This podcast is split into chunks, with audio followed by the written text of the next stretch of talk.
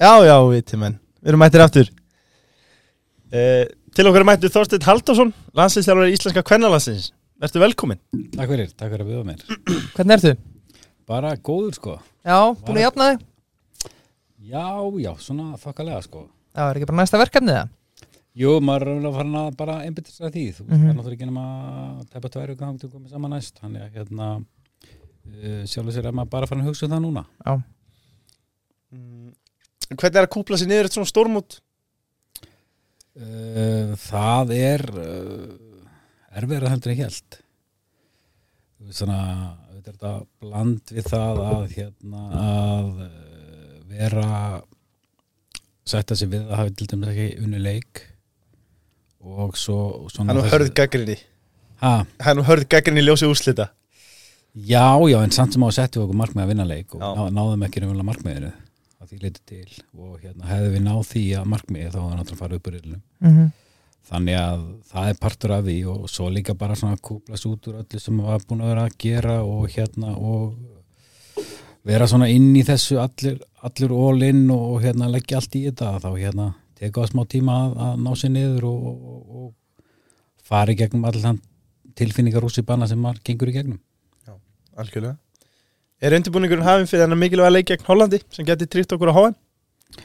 Uh, undirbúringurinn er sjálfur sér hafinn fyrir þessa tvo leiki og hérna partur af þessi líka er það að kvítarúsaleikurinn er mikilvæg og mjög mikilvæg fyrir okkur líka varðandi ef við náum ekki hagstæðum úrslitum út í Hollandi að þá skiptir kvítarúsaleikurinn okkur miklu máli varðandi umspilið og annað, hvar Mhm. við endum í því ég veit ekki hvort við eigum að vera að fara yfir það hvernig það lítur út en, en, en, en eins og staðan er núna þá sérst, fyrir leikina á móti Kvítursum Hollandi þá erum við í þriðja sæti yfir þessi að, þessi nýju lið sem eru öðru sæti riðlunum og liðin fara í playoffs og að þú ert í topp þremur að þá ferðu beint á sem slepp, sittur hjá í fyrstu umfyrinni, ferð þá bara beint í eitt leik. Og raunverulega þyrftu við helst að vera í fyrsta öðru sæti því að þá hérna þurfum við bara að spila þennan leik þennan eina leik og hann- ef við vinnum hana þá tryggja okkur beint. Já. ef við erum í þriðasæti þá þýða það að ef við vinnum leikin í playoffsinu hérna í Evrópu að þá þurfum við að fara í februari í playoffs til, til Nýja Sjónas já, Robert þannig að hérna, við viljum endi í öðru sæti þannig að kvíturúsaleikurinn skiptir okkur miklu máli Já. líka. Og, hérna, og líka náttúrulega skiptir að máli bara það að við viljum vera líka í kjörstöðu til fyrir til Hollands að, mm að, hérna, að uh, hérna, við þurfum ekki að vinna heldur, játtiflega þetta getur mynduð okkur Er það ekki rétt munið hjá mér að þið voru að reyka þjálfara sinn? Holland? Jú, þeir voru reyka þjálfur sem daginn sem að var kannski ekki draumur sem að vildi fá að sjá og maður var að vonast til að hann er bara áfram sko. Já, gekk þið mittla á EM eða? Það er töpu áttalústlum á móti hérna á móti frökkum Mm og hérna, gekk illa þeir voru kannski ekkert að spila sérstaklega vel og heilt yfir kannski eins og í undakefni hafa þær ekkert verið sérstaklega góðar. Nei, og hérna, veist, tvö játtum móti tjekkum sem eru ekki ekki sáttir við og hérna þannig að ég held að hafa verið svona eitthvað eitthvað að gerjast þarna sem að menn voru ekki alveg sáttir við. Og hvernig er þessi nýju þjálfari? Er þetta ykkur nýr skvarði jóla eða? Nei, já, ég veit það ekki. Nei, ég man ekki, er, er þeir ekki búin að tilkynna nýja þjálfara það nei, ok. Ég, ég er ekki búin að skoða allan. Ég, ég ekki tekið eftir, allan tilkynntur en ekki strax og ég hef ekki tekið eftir þessi kon- búin að tilkynna þjálfari, ég er endur ekki farin að heima síðan núna síðustu þrjá daga sko, veit það ekki. Uh, Lúpmenn, þeir eru afar ánæði með íslenska kvennlandslið og stoltir í sumar og segja, jú, jú, vissulega náðust ekki markmið liðsins. Uh, en við erum með ungt og spennandi lið sem mun gera frábæra hluti á HM og gera okkur stolt. Strax komin pressa. Uh, Þið er ekkert að horfa eina september Nei, nei, ef við byrjum á að fara yfir undirbúningi fyrir mótið Góðunni þáttarins, Guðmundur Aðarsteinn á .net talaði um það að væri galið að spila með einn æfingarleik fyrir þetta mót Eftir áhyggja, hefðum við þurft fleiri æfingarleiki til að drilla lið? Nei, ég er á því að undirbúningar hafa verið góður við fór, spilum hennar leik í Pólandi spilum náttúrulega í miklum hita og annað maður bara að segja, ok, þessi leiku er eitthvað allt öðru heldur en við fara að spila á Englandi og svo þegar uh, upp á staðið þá var þetta bara bestu undirbúningu fyrir okkur og hérna við vorum í Pólandi í hita, miklum hita Þískalandi líka, það var náttúrulega bara hitabylgja það eins og var á Englandi þannig að þú veist, við fengum bara góðan undirbúning fyrir þetta mót. Spila leiki, fleiri þú veist, ég veit ekki ég, þú veist, ég trúið ekki að ég held að það hef ekki verið vandamála fyrir okkur. Og ég held að undirbúningur okkar bara hafi verið góður og, og hérna og, og gengi vel. Er þetta ekki líka kannski eitthvað fín lína að spila ekki heldur ekki ofmarga æfingarleiki því þú vilt kannski ekki endilega kannski sína öll spila á hendi? Já, eða, eða sko við náttúrulega hefðum alltaf bara getað að spila eitt leiki viðbót með hvernig við komum saman. Var einhver önnulið náttúrulega sem er í vetardilduna sem komið fyrir saman af því að deildildar náttúrulega búna fyrir og allir leikmennir að spila í vetardild þannig að hérna, við hefðum aldrei getað kos- komið saman fyrir þannig að við hefðum hugsaðlega getað komið einleik fyrir viðbót í Þískalandi eða eitthvað svoleiðis. En í sjálfis er gekk það ekkert upp. Við stemdum og reyndum að fara í tóleiki en, en það var ekkert eitthvað sem að við höfðum miklar, já ég hafði miklar ágjur af mér finnst mikið eftir að spila þetta á neitt leik þetta var draumurinn að spila leikin heima en þegar upp var staðið það var bara fínt að spila í Pólandi eins og ég sagði áðan út af, út af aðstæðum, veður aðstæðum og svoleiðis að það var ekki alveg að heitt hérna í Íslandi Ný. Óverlega spurning, en hvernig semja þjóður um vináttuleiki? Til dæmis með heimaðall og annað. Þetta er bara bóð og, og, og rætt saman um, um hérna hvernig hérna hvort að leik, þjóðin sem tilbúin fram koma hingað eða, eða spila við okkur og, og hérna það fer svona fram bara svo leiðis það er annarkot sent mynd af þjóðunar eða þá er einhverju umbóðsmenn sem að vinna í þessu Mm. og er að vinna fyrir einhverja þjóðir og hérna þannig að þetta er svona bara líku þeir sem spila æfinguleikina heima en svo þarf náttúrulega bara skrifundi samninga sem verði kostnað á hana hvernig því er skipt Já. Já, algjörlega. Uh, ef við byrjum, okkur langar að renna þessi yfir leikin á móndinu. PLT ekki á okkur skýslu það sem er renna stutt yfir leikina. Þeir brentu þetta allt saman út. Uh, ef við byrjum fyrsta leiknum, Belgia 1, Ísland 1. Uh, má kannski segja núna eftir á að þetta hafi verið örlaðavaldur í mótinu? Sko fyrirfram hefur kannski viljað uh, spila síðasta leiki við Belgi Já. uh, og vera þá í þeirri stöðu að þú vissi nákvæmlega hvað þú vildi fá út úr hún eða þyrftir að fá út úr hún uh, samt sem að þú ferðin í leik fyrsta leik í riðlega keppni að þá er gríðarlega mikilvægt að tapa ekki leiknum Mm -hmm. vegna þess að fyrsta sem að gerist þegar þú tapa leika þá ertu orðinu undir í innbyrðisveru við þjóðina og það er það fyrsta sem telur þegar þjóðir verða jafnara stígu Mm þannig að það er gríðarlega mikið að fara í leiki þannig að, að þú allan að fara ekki á tapur en auðvitað fórum við í leiki til að vinna og gerðum allt til þess en við fórum samt ekki þannig eins og svona þegar líða tóku leikin að við færum að opna eitthvað og breyta eitthvað rosalega miklu. Við vildum, okkur fannst reyndar við vorum með svona ákveðin, ákveðina ákveðina möguleika í stöðunni og, og hlutinni væri alveg að tikka ákveðlega vel og þannig að við vorum ekkert að breyta miklu þar og fannst við verum að tökka á þessu, fannst við vera að fara að skora annar mark og hérna myndi vinnanleik en það gekk ekki eftir en, en þú veist, auðvitað er alltaf horfið að Belgia var kannski var slagasta liðið sem vorum að fara að spila við Já. en þeir komast alltaf upp úr ylunum sko. þannig það sýnir að hvað er stutt á millið þarna Já. En Ítalið er náttúrulega skemmandóldi fyrir sig með þessu stóra tapiðan í fyrstu umferð.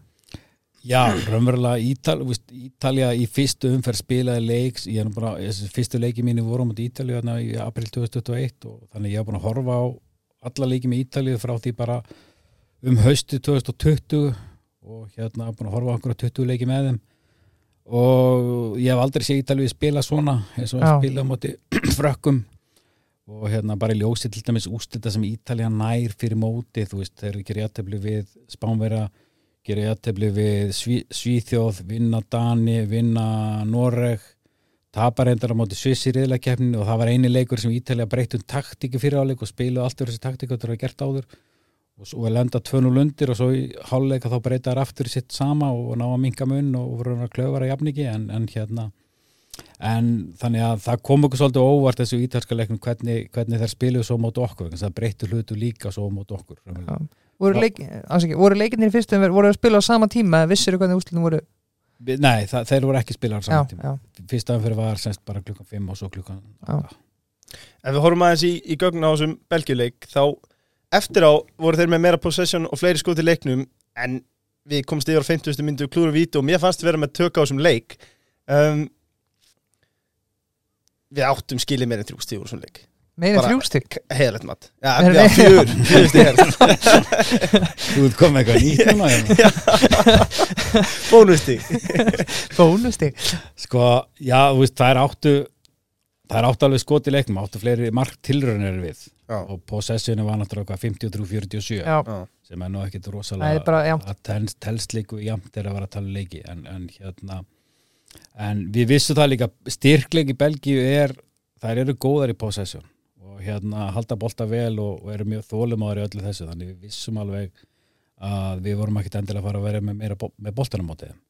En við vissum alveg, við vorum alveg okkur möguleik í stöðun og margt sem að gerist í leiknum sem var svona svona sangvænt því sem að, þeim áslöfður sem voru að leggja okkar veikleika þeirra voru og allt svoleiðis. En, en, en þetta er náttúrulega bara stutt á milli þessu við, við klúru víti og, og, og færum og allt það og hérna en, en og víti er kannski hvað 80% líkur þú skorur eitthvað svoleiðis mm. milli 80 og 90% líkur og hérna þannig að það er svona eitt af þeim bestu færi sem að fara í fótballta þannig að, að þetta viltu nýta þau en þetta er bara partur á leiknum að það stundum er þetta stöngin út Já.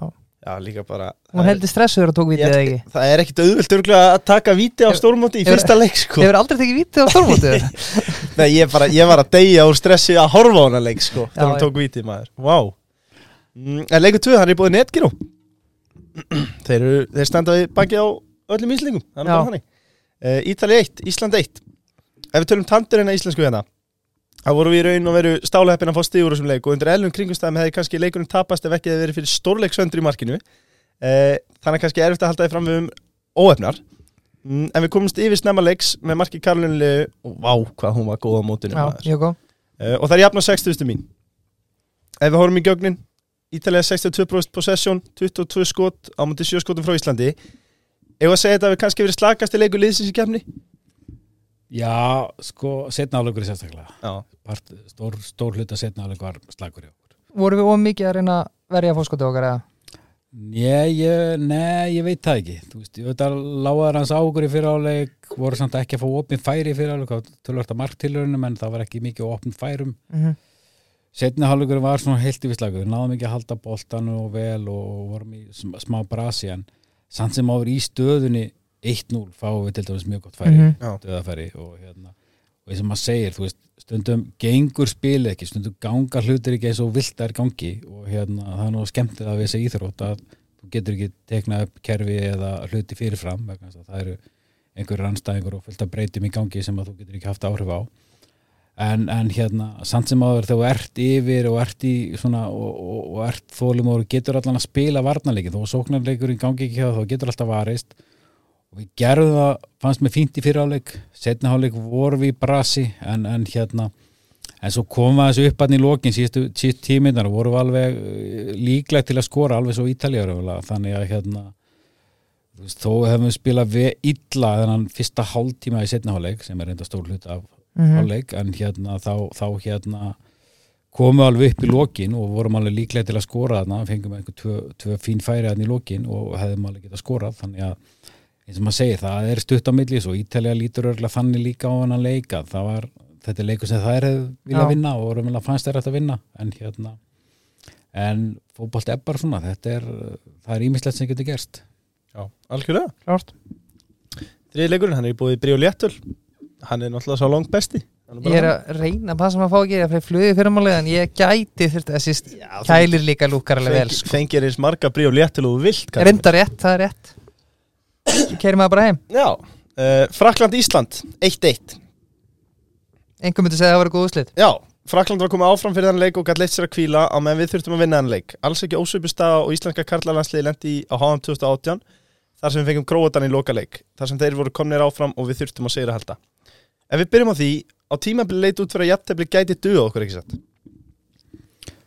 Jú, já var alveg fram, fram að háluleika ekki? Skoruðu ekki Belgiðarni snemma í, í setna háluleik mm Já. Jú, að hérna jú, jú, þú veist uh, það, það er samt sem að við gátum aldrei fara inn í leikin á þeim fórsöndum Nei, við þurftum alltaf að gera á fyrir þurftum að vinna leikin sem að endanum var náttúrulega niðurstaðan.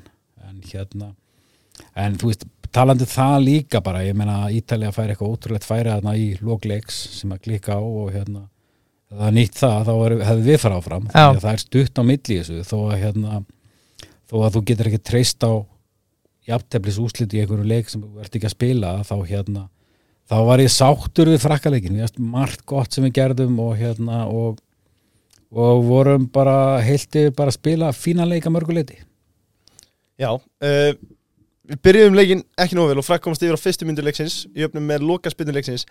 Um, sorry, hvað hugsaður þegar að skora á fyrstu mínúti? Úff, Góð spurning. Uh, ég held að veist, við vorum alveg búin að ræða það að sko við þyrftum að halda á, veist, ef við myndum lenda undir Já, að vera þólimóð og veist, bara ekkert panik ástand og allt það, þetta bara myndi halda áfram og við mættum ekki fara að opna okkur og fara út úr öllum, öllum plönu sem við erum búin að gera. En svo þegar maður að horfa í 45 sekundar bara, jæja, ok, er þetta bara að verða eitthvað svona? Þú varst líka að horfa í fyrstu 30 sekundur eða ekki? Já, þannig við náðum að það 15 í viðbót. En, en aðeins um það, hvernig fannst þér liðsandin verið liðinu? Svona heiltu í móti? bara góður sko, er það ekki típist svar eða? Jú, Jú, Já, hann en- var en- ömurlegur. En jú, hann var góður sko, heilt yfir voru við mjög fókusir sem við vorum að gera og, og, og hérna raunverulega held ég þetta snúist aldrei um í svona keppni að þú verður að njóta en að vera í, á staðnum. Og, hérna, og hafa gaman að því og, og allt sem að og tilbúin að takast á, á við allt sem kemur upp þú veist, og þetta er hellingsvinna fyrir leikmenn og, og þjálfara og allt starfsfólk sem er þarna og, og þannig að það er alveg nóg að gera og það er nóg árætti og fullt í gangi en heilt yfir bara var andin í öllum hópnu við erum með einhver 50 mann saman og, hérna, og, og bara var, gekk allt mjög vel og hérna engin stór vandamál sem voru að koma upp hjá okkur og hlutinni voru bara bara nokkuð þægilegur allan tíman Mhm. Algjörlega. Mm, Bónusmenn? Já, mér ætla áhugavert líka að við höldum að sáfram tala um sko Já, að því að leifu, við erum ekki sérfræðingur um kannarkransmyndu bara svo að það sé, svo því sé haldið til ég er þetta bara engin sérfræðingur um knattspinn almennt sko. Nei, svo er það líka. Þetta eru samt sko maður kannast alveg við þess að þjóður og kallaboltanum Frakland, Belgia og Ítalja ef að íslenska kardalasli myndi lendi þessu riðli þá myndum við nú bara byrja að segna okkur skilur já, já. er þetta, þú veist hversu langt er það er einhver, er mikil fylgni á milli gott kallalið og gott kvennalið? Þá meina ég sko, þú veist eins og örgulega öll umgjörð og annað hjá Belgia og Ítalja hlýtur að vera bara algjörlega upp á tíu skilur Já, örglega uh, samt sem áður sko Belgi er uh, ekki nærið framalegi kvenna og kalla. Nei, og ok. hafa verið að gera mikinn skurkið núna undarfærið og Ok. taka vel til þar og leggja mikla áherslu á það að, að gera hlutina vel að hérna að hérna þannig að uh, það er ekki fylgni allstaðar en, en veist, frakkar er með gott lið, þjóður er með gott lið í báðum og hérna þannig að og Ítalía hefur verið svona í ekki náð alveg eins langt í kvennaboltanum eins eins og kalla og veist, og eins og núna er ítalska deildin fyrsta skipti orðin alvöru atvinnumannadeild mm -hmm. skráða atvinnumannadeild þannig að það er svona skref þar sem þeir eru að taka í kvennaboltanum sem er stór og er að leggja meira áherslu á það og þú veist, raunlega þróunin sem er í Evrópu er á öll á það, þann veg að stóru liðin eru komið með kvennalið. Mm þau eru öll að koma inn með kvennalið það er að gerast á Ítalíu og Englandi og allstar þar sem að stóru, stóru hérna liðin eru kallaliðin eru að koma með kvennalið og, og, og leggja pening í það þannig að, þannig að þróun aft, áfram eftir að verða það mikil. -hmm. Ef, ef við tökum það eins eins og við erum með náttúrulega Þískaland sem er stóru eða deildin sem sagt, búndeslíkan svo erum við með PSG sem náttúrulega bara aftur líka frábært liðana þannig að frakkanir eru sjálfsög góðir. Einmitt Ítalían, þeim er að vaksa fiskur um sig Há, erfitt orða þarna. Og, og, og svíðarnir hafa verið sterkir og þessi lið að standa sig vel. Mm, sama með ennskudeildina hvernig er hver er styrkleika röðuna á þessum deildum og hversu mikil styrkleika munur er á þessum bestu deildum? Ég raðu styrkleika deildana, það er kannski svolítið erfitt. Eh, Ég bara veit ekki, þetta er Frakland, Þískaland, England. Sen, og sko spátn er náttúrulega með sterkar, sterk lið, Mhm. veit ekki alveg hvernig deildin heilt yfir er þar, ég er ekki alveg með náttúrulega þekking á því, en þessar þjóðir eru með sterkar deildir, Sý- sænska deildin hefur verið sterk þó að svona flestir bestu sænsku leikmennin hafa verið að fara hérna erlendis að spila spila í stóru liðunum. Uh, og þannig að þetta er svona þróun sem á sér stað að, að hérna, bestu leikmennir er að fara að sapnast í þessar deildir. Mm. Mm Ítalska deildir er búin að vera að taka töluvert núna af góðum leikmennum þannig að þessar deildir er allar að styrkjast og svona kemur ekkert á óvart að innan tíu ára verðum við nákvæmlega, nákvæmlega sömu uppröðun á styrkleika deilda í kalla og kvenna. Nei. bara prem verður mestu peningurinn í hvenna líka og Já, það, það gæti alveg verið að það hefur svona dreif, veist, gæti alveg verið að það er dreif, mikið góð dreifing þar á, á sterkum liðum og hérna og peningarnir komi vel inn þar í sjónvarsrétt og annað sem, að, sem að hérna hefur náttúrulega gert ennsku deildina í kallabóltanum mjög sterka. Mm Algjörða uh, Bónusmenn, þeir vilja aðeins fara í móti í heilsinni ef við horfum í baksendbeilin, það sem er ekki við núna sest uh, og það er þetta að fá sér eitt kaffibólla og jafnvel síkart og skoða þetta allt saman uh, Við erum tablið sem mótinu en vinnum ekki leik heldur og bónusmenn spyrja einfallega er glasið hálffullt eða hálftómt? Sko okkar, veist, ef við horfum á þetta mót heilt yfir þá vorum við fín varnalega. Sóknarlega þurfum við að bæta okkur. Og gera hlutina betur þar. Það er, það er verk að vinna hjá okkur. En það eru klárlega hérna, góð framtíð þessu liði og margir framtíða leikmenn sem eru þarna að taka sér fyrstu skref og, og verða væntala með tíð og tíma einhverja breytingar á, á hóp en, en hérna en, en ungi leikmenn sem eru svona bankadinnar og komast inn í þetta að hérna, þá hef ég alveg fulla trú að liðið eftir að halda fórum að þróast vel og, hérna, og, og verða bara ennþá betra heldur en það er í dag Vist, við erum vel samkeppnisfæri við sterkar þjóðir. Mm. og móti sínd okkur það ennþá betur. Og hérna og það er bara okkar umvel núna það er að koma okkur á HM og hérna og taka það skref sem við þurfum að taka til að, til að ná því núna í september eða oktober það er, það er bara það sem við erum að horfa í dag. Það er að okkar draumur og okkar markmið er bara að fara á HM í, í, í Ástralíu og Nýjasjólandi Það var í fyrsta sinni sem við færum að háa með ekki? Já. uh, Ok uh, Er ósangjant að segja að það hafi verið sko, ég, ég er búin að vera að halda það lengi fram með þessi dark að það hafi verið svona smá ungmenn andi yfir íslíku landslegunum og það var ekki bara að tala um hvernalandslið, líka að tala um kallalandslið það er allt svo frábært og við vinnum enga leiki. Uh, Allir óskar liðin til hamingju og fleiri til móti en liðið komst ekki áfram. Ef við horfum bara blákalt á þetta á að vera að tala um hvað allt er frábært þegar liðið vinnur ekki leik og kemst ekki áfram. Það er bara eitthvað sem einhver umræða sem fólk tekur. Mér er svo sem nákvæmlega sama sko.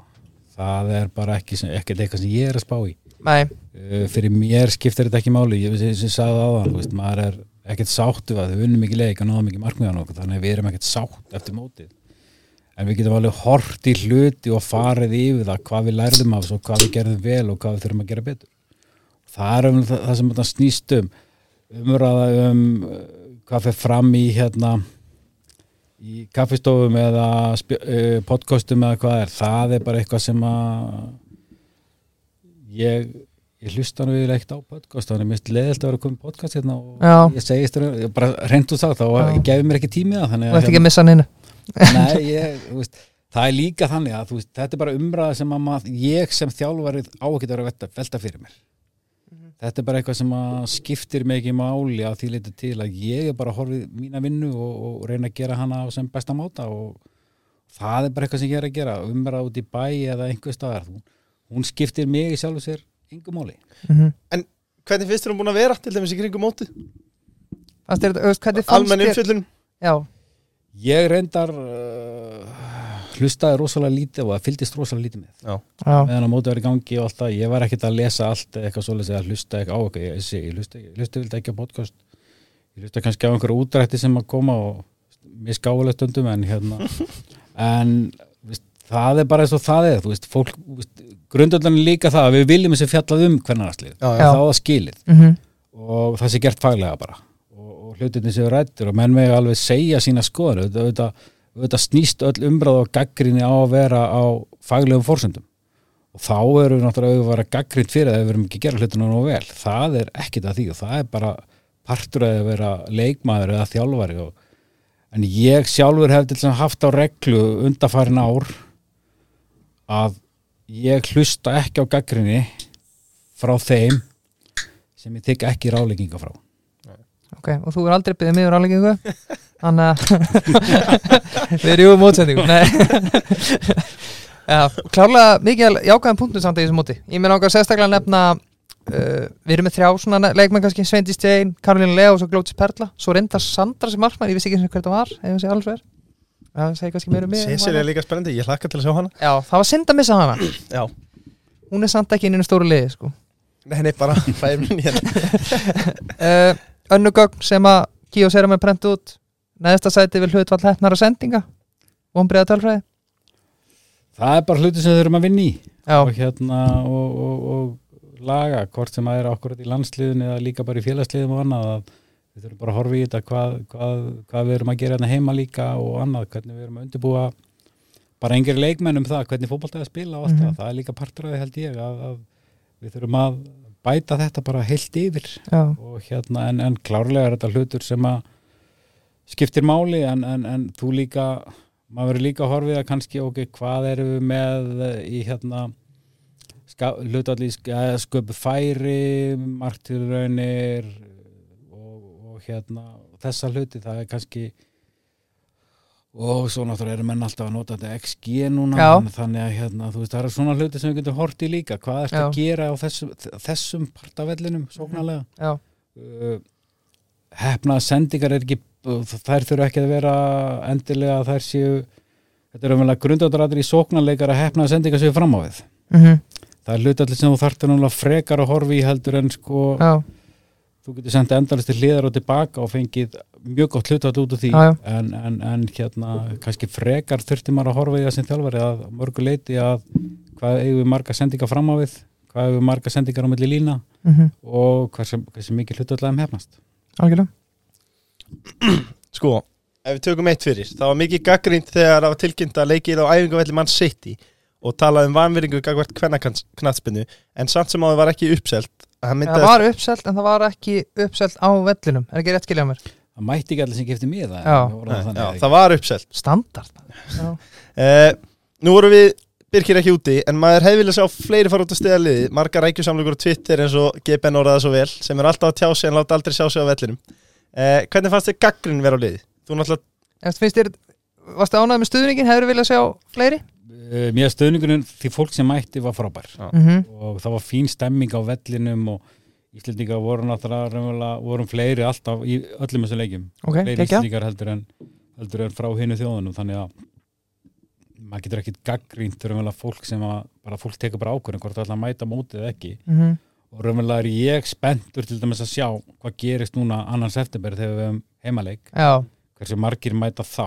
Já. það er svona miklu meiri próstetn á stöðningu í liðið heldur en Mhm. nokkuð tíman annað. Örgulega gekkja viður Já, það eiginlega frábært ítlust veður og, og allt það en eh, veist, veist, það er að prófstefnun okkar finnst mér að, að hvað er umvel mikið á bakvís hennar stuðning og þessu umræði sem er búið að vera í gangi um stuðning við liðið að, hérna, Nákvæmlega.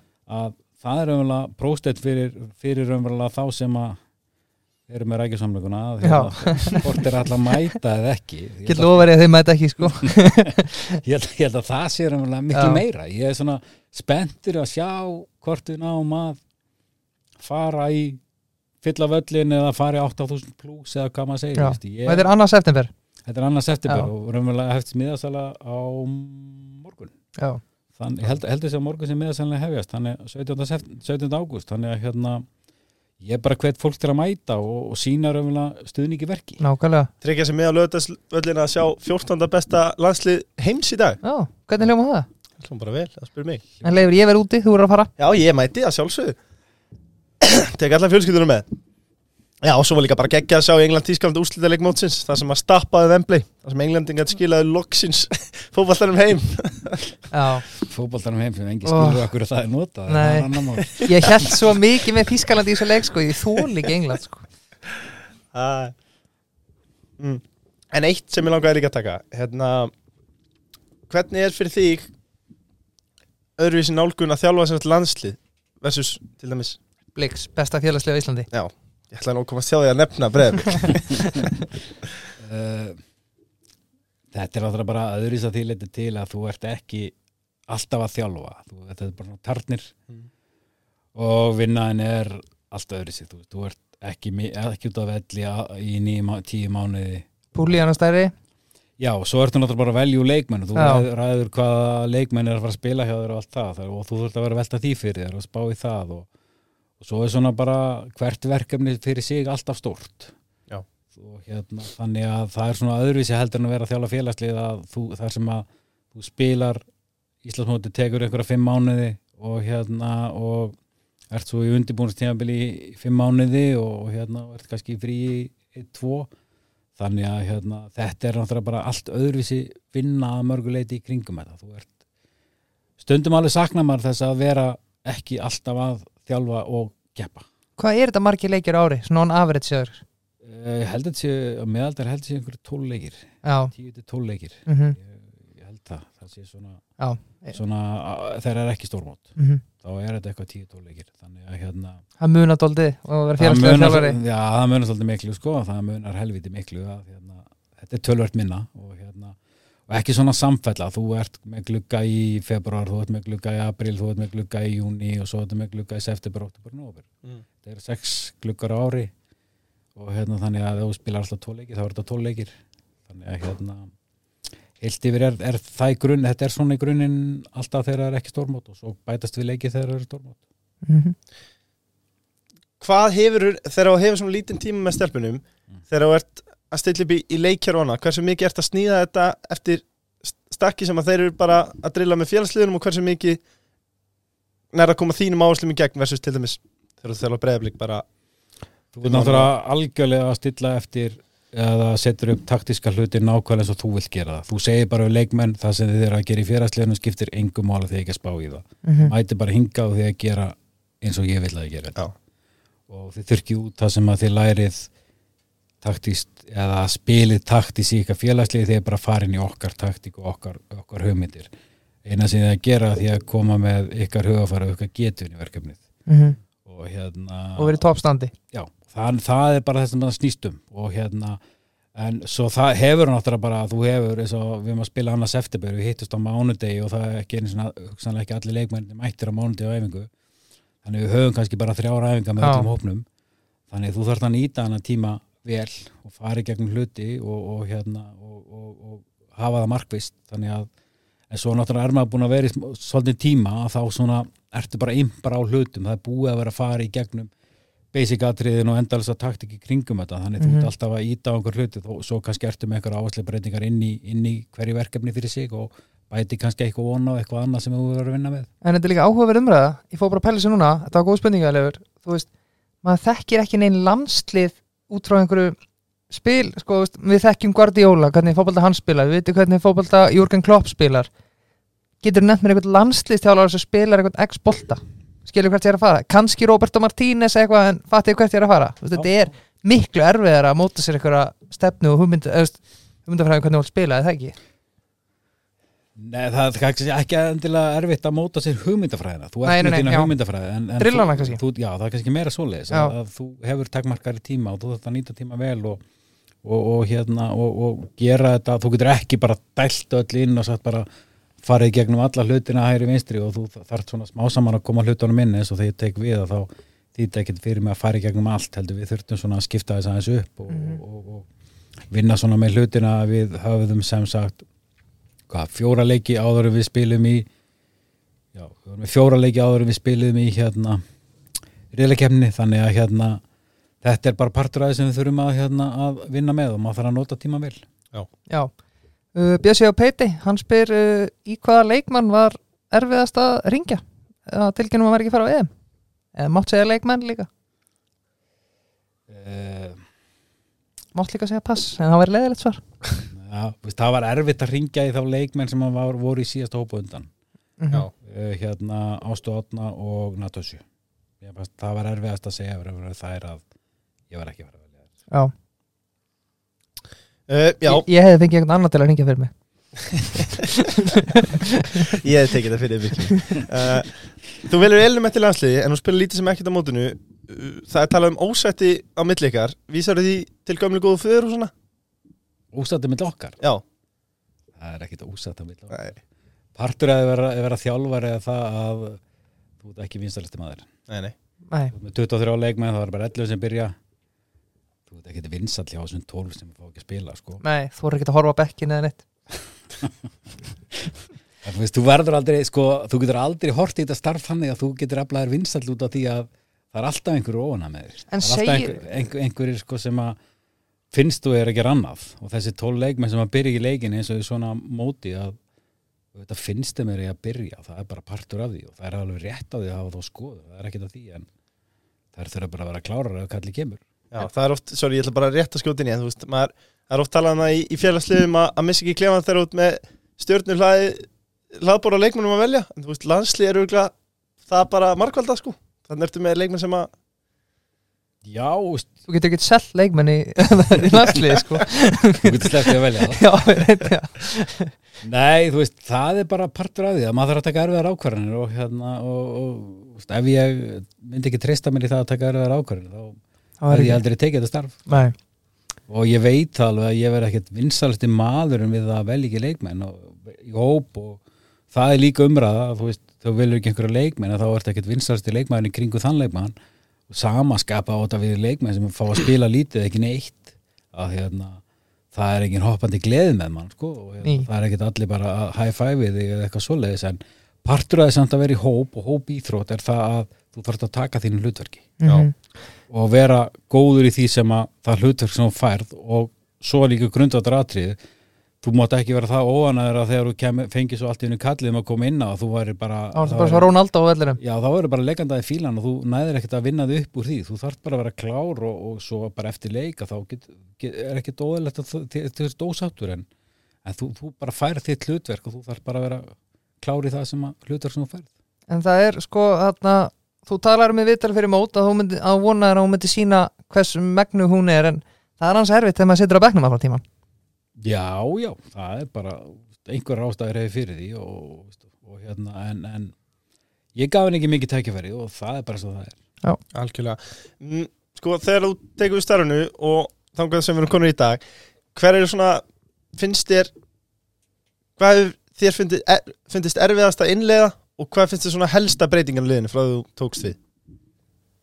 Uh, Ég held ég, veist, auðvitað auðvitað er erfiðast að þjála sóknarleik. Já. það er erfiðasti parturinn að því og líka í kannski svona skamma tíma sem hefur lið þá er það erfiðast. Uh, jákvæða við það að við höfum fækkað mikið mörgum sem liður að fá sig.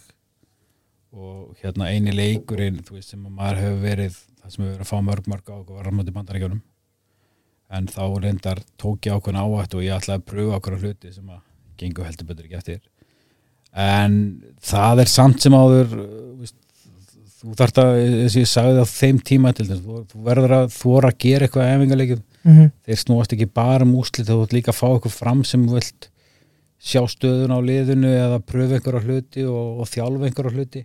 Ég held að Lars hafði bara aldrei unni æfingarleika æfinsinni sko og hann er 100 ára sko. Já, já algjörlega.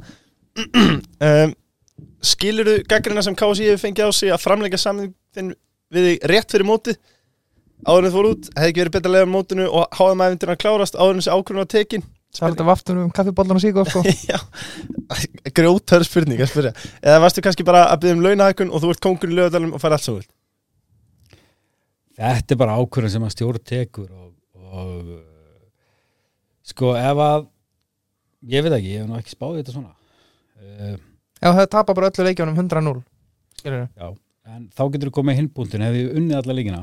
Já, í hvaða samlingsstöð var kási þá? Þá hefði þú ert að byggja um nýjan samning. Nei, þá væri ég, væri ég þá myndi ég bara fara eitthvað og fá 150 miljonir á ári fyrir að þjála eitthvað allt annað lið. Þannig Þetta er að, frábæð bútur þannig að þú veist hvenar er besti tíumpunktinu þannig Já. að það er ef einhver veit það Þá er án að hringi þig. Þá má hann hring- eða ekki ringi mig þá má hann bara gefa það út og segja mann það hvernig besti tímapunkturinn er. Þannig að það er, það er alls konar vinklar á þessu. Þú, getur, uh, af því að ég hef ekki spáðið neitt út af þessu svona en, hérna, en, en samt sem aður sko ég held að tí, besti tímapunktur sé bara ekki til. Nei. þetta er bara einhver ákvörður sem þú ætti að taka sem stjórnamaður vantala og stjórn knæsmyndsambandins, hvað þið vilja gera og, og þeir tóku þessu ákvörðun og vildu gera þetta svona og ég var alveg til í það en, en ég geti líka alveg sagt sjálfur sko, ef að hlutunir hefðu gengið betur Mhm. að þá var ég náttúrulega í allt annar samstöðu sko. já þannig að það var erfiðar fyrir það, þau að semja mig mhm. og hérna, það er kannski eitthvað sem þau hafa horti, ég, ég, ég hef ekki hugmyndu það en, en, en ég held að sé mjög erfitt að finna eitthvað réttan tímapunkt í það hvenar á að hérna, semja við þjálfara eða framlengja samlinga við þjálfara og hérna og þú getur alveg heimfært þetta bara yfir til dæmis að deildakefni, hvernig áttu að endur semja við þjálfara? Þegar velgengur eða þegar er einhver smá mótlæti eða veist, þetta, er, þetta er erfitt að finna eitthvað nákama tímapunkti á að gera alltaf eftir tímabil eða er betra að gera á miður tíðanbili þegar vel gengur eða er betra að gera þegar svona hlutin eru bara rólegir og, og ekkert að gerast í það sko. Þetta er vel svarað, Já, skemmtilega pælingar. Ég, þannig að kannski langar að grípa hennar bolt á lofti ekki það að þú ert að vera vonandi mörg ári viðbót okkar landslistjálfari en næsta múf myndur þú segja félagslega aftur eftir byrja að sakna þess að vera meira á vellinum? Það getur verið til tíu ár skilur Já, eftir tíu ár var ég alveg tilbúin til að taka við Mast City. Já, þú ert tilbúin í það? City, yes. Þú og kaffist að vera með Guardiola bara. Já. Hann verður alltaf löngu þá Var reyndar. hætti þá sko, hann verður komin á ströndina þá sko. Já, það verður, en þú fær búið á ströndina? Það ekki kannski að mæta okkar. Þá væri ég til í að taka við hvernig leið Mast City. Ok, eða að Þannig að, ok, geggjað. Uh, Þegar þú tekur vísleika landsliðinu þá voru þið bara á nokkum góðum stað. Uh, talandum menn sem er í basli núna uh, Gauðsistóð sem mjög vel með landslið, Jón Þór Hauksson. Uh, þú tekur við á honum að verður eitthvað smá viðsærandi í gangi. Uh, ef hortið til hópsins í dag hversu mikið finnst þér liðið og honum að þakka? Það var náttúrulega því að þakka að komast á örmótið Mm -hmm. það er, hann náttúrulega, ég ger ekki neitt sko, Nei. að hann- Þú mætti bara. Ég mætti bara og bara tók við liðinu þegar það var komið á móti þannig að ég á ekki til því en hann á náttúrulega bara þátt sinn í því að liðið náða þeim bara árangur að komast á örmótið hann á það bara skuldlaust sko. Já, ertu sammálaði að hann sé svona smá Óli Jó, hann er búin að blóka yngri leikmenn, komið minni lið og svo framvegis? Já, já, hann, hann gaf leikmennu tækifæri og hérna og, og gerði það bara vel og það er engi spurning að hérna að, að það var komið tíma á það að sumir aðeins fengi tækifæri sko. Mm -hmm. og hérna og þær voru síndu bara strax það eru klára í þetta. Já, þannig að hérna það er ekki spurning að hann gerir góða lötu með það að gefa yngri leikmennu tækifæri. Mm uh, Varstu byrjar að halda og myndir aldrei fá landsistárið? Ég var vel ekkert spá í það sko. Nei. Svo sem kannski hefði getið tekið við þegar Jón Þór tók við. Mm en mér langaði ekki, Nei, leði vel við reyðblik já, eðlilega. Margir segja að það sé stærri lögða dalurinn sko. Alltaf erfiðast blíki landsins sko.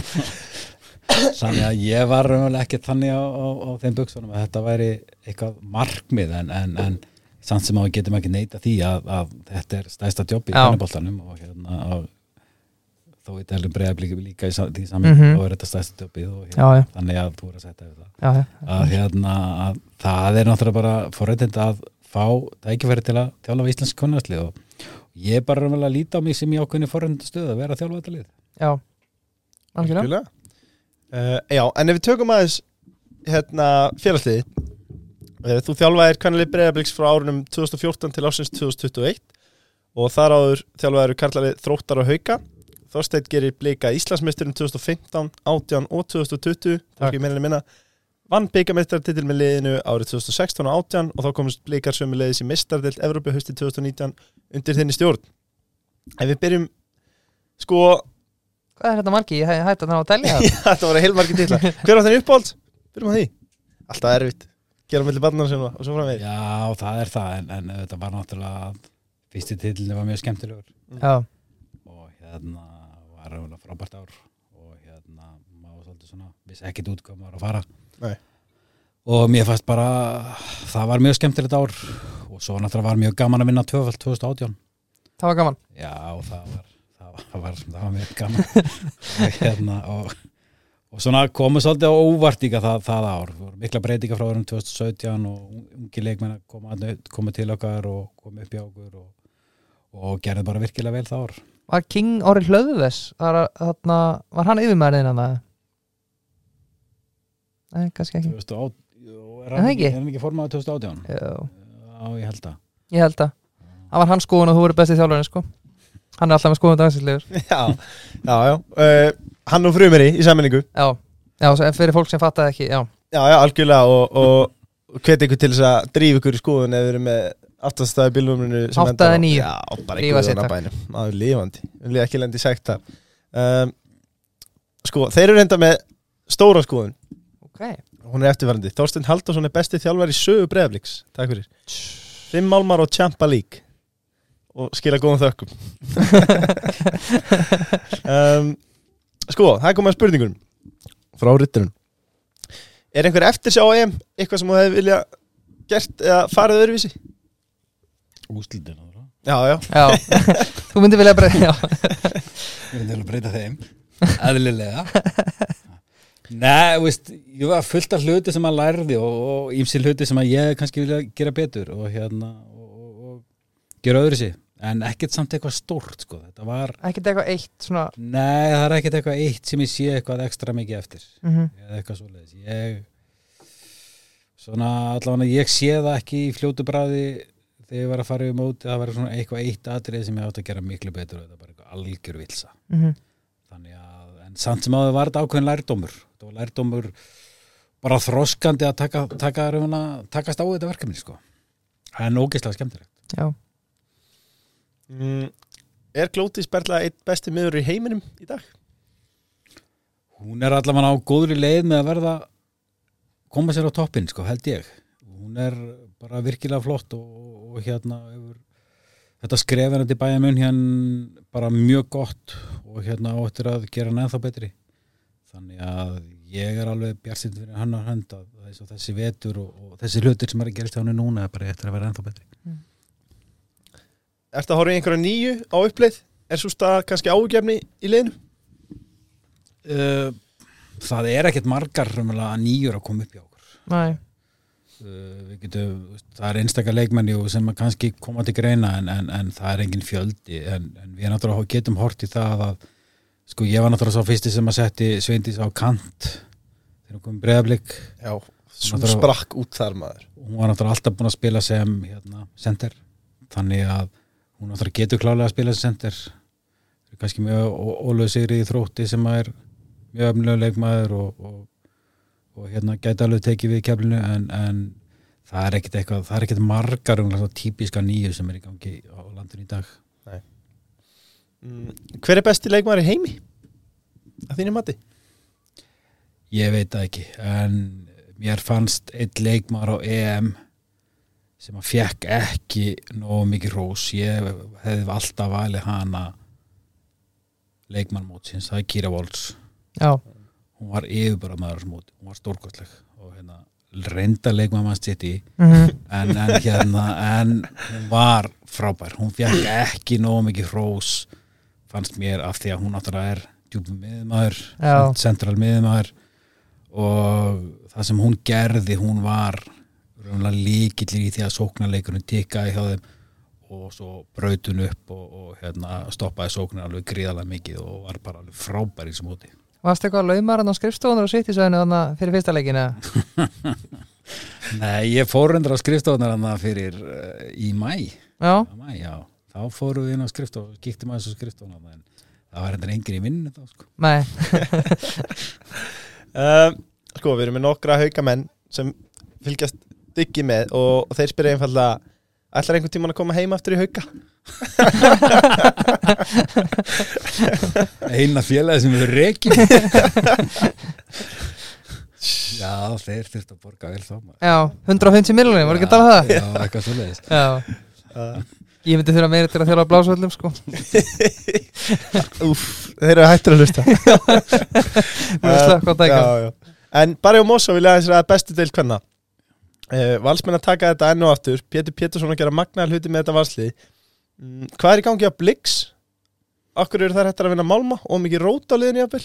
Eða geitin bara farin? Það er unnu náttúrulega málmi fyrra sko, það er náttúrulega unnið byggamestarar Já, já, Það má ekki gleyma því Við og, blikar tellum ekki þannig til það. Og það, er, það er ennþá möguleikar Íslandsmeistarar og byggamestarar það er náttúrulega konu úslir ekki byggar þannig að þetta er ekki búið.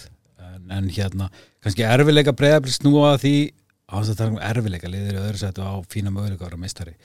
Að hérna, þó að sé ekki bílstjóra sætinu okkar að núna. Það er samt sem áður sko breytingarna sem hafa bara orðið á liðinu undanfarin 2-3 ár eru bara gríðarlega miklar.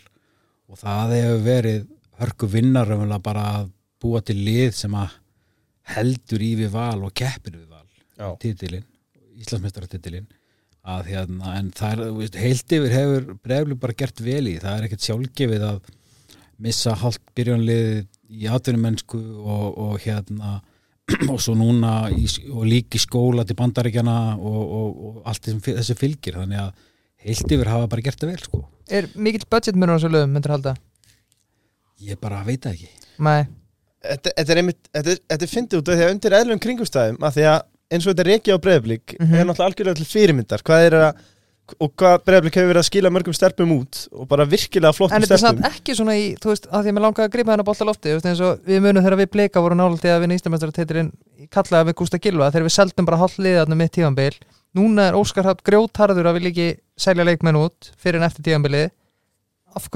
er að er, eitthvað erfið að halda í, getum við ekki verið jafn grjótarður þarna hvernig megin Sko þessi leikmenn náttúrulega fóru í um vetur Já, Þeir voru ekki að fara á miður tíambil ok, Eina sem er náttúrulega það er verið að missa leikmenn kannski í skóla til bandarík einmitt, já.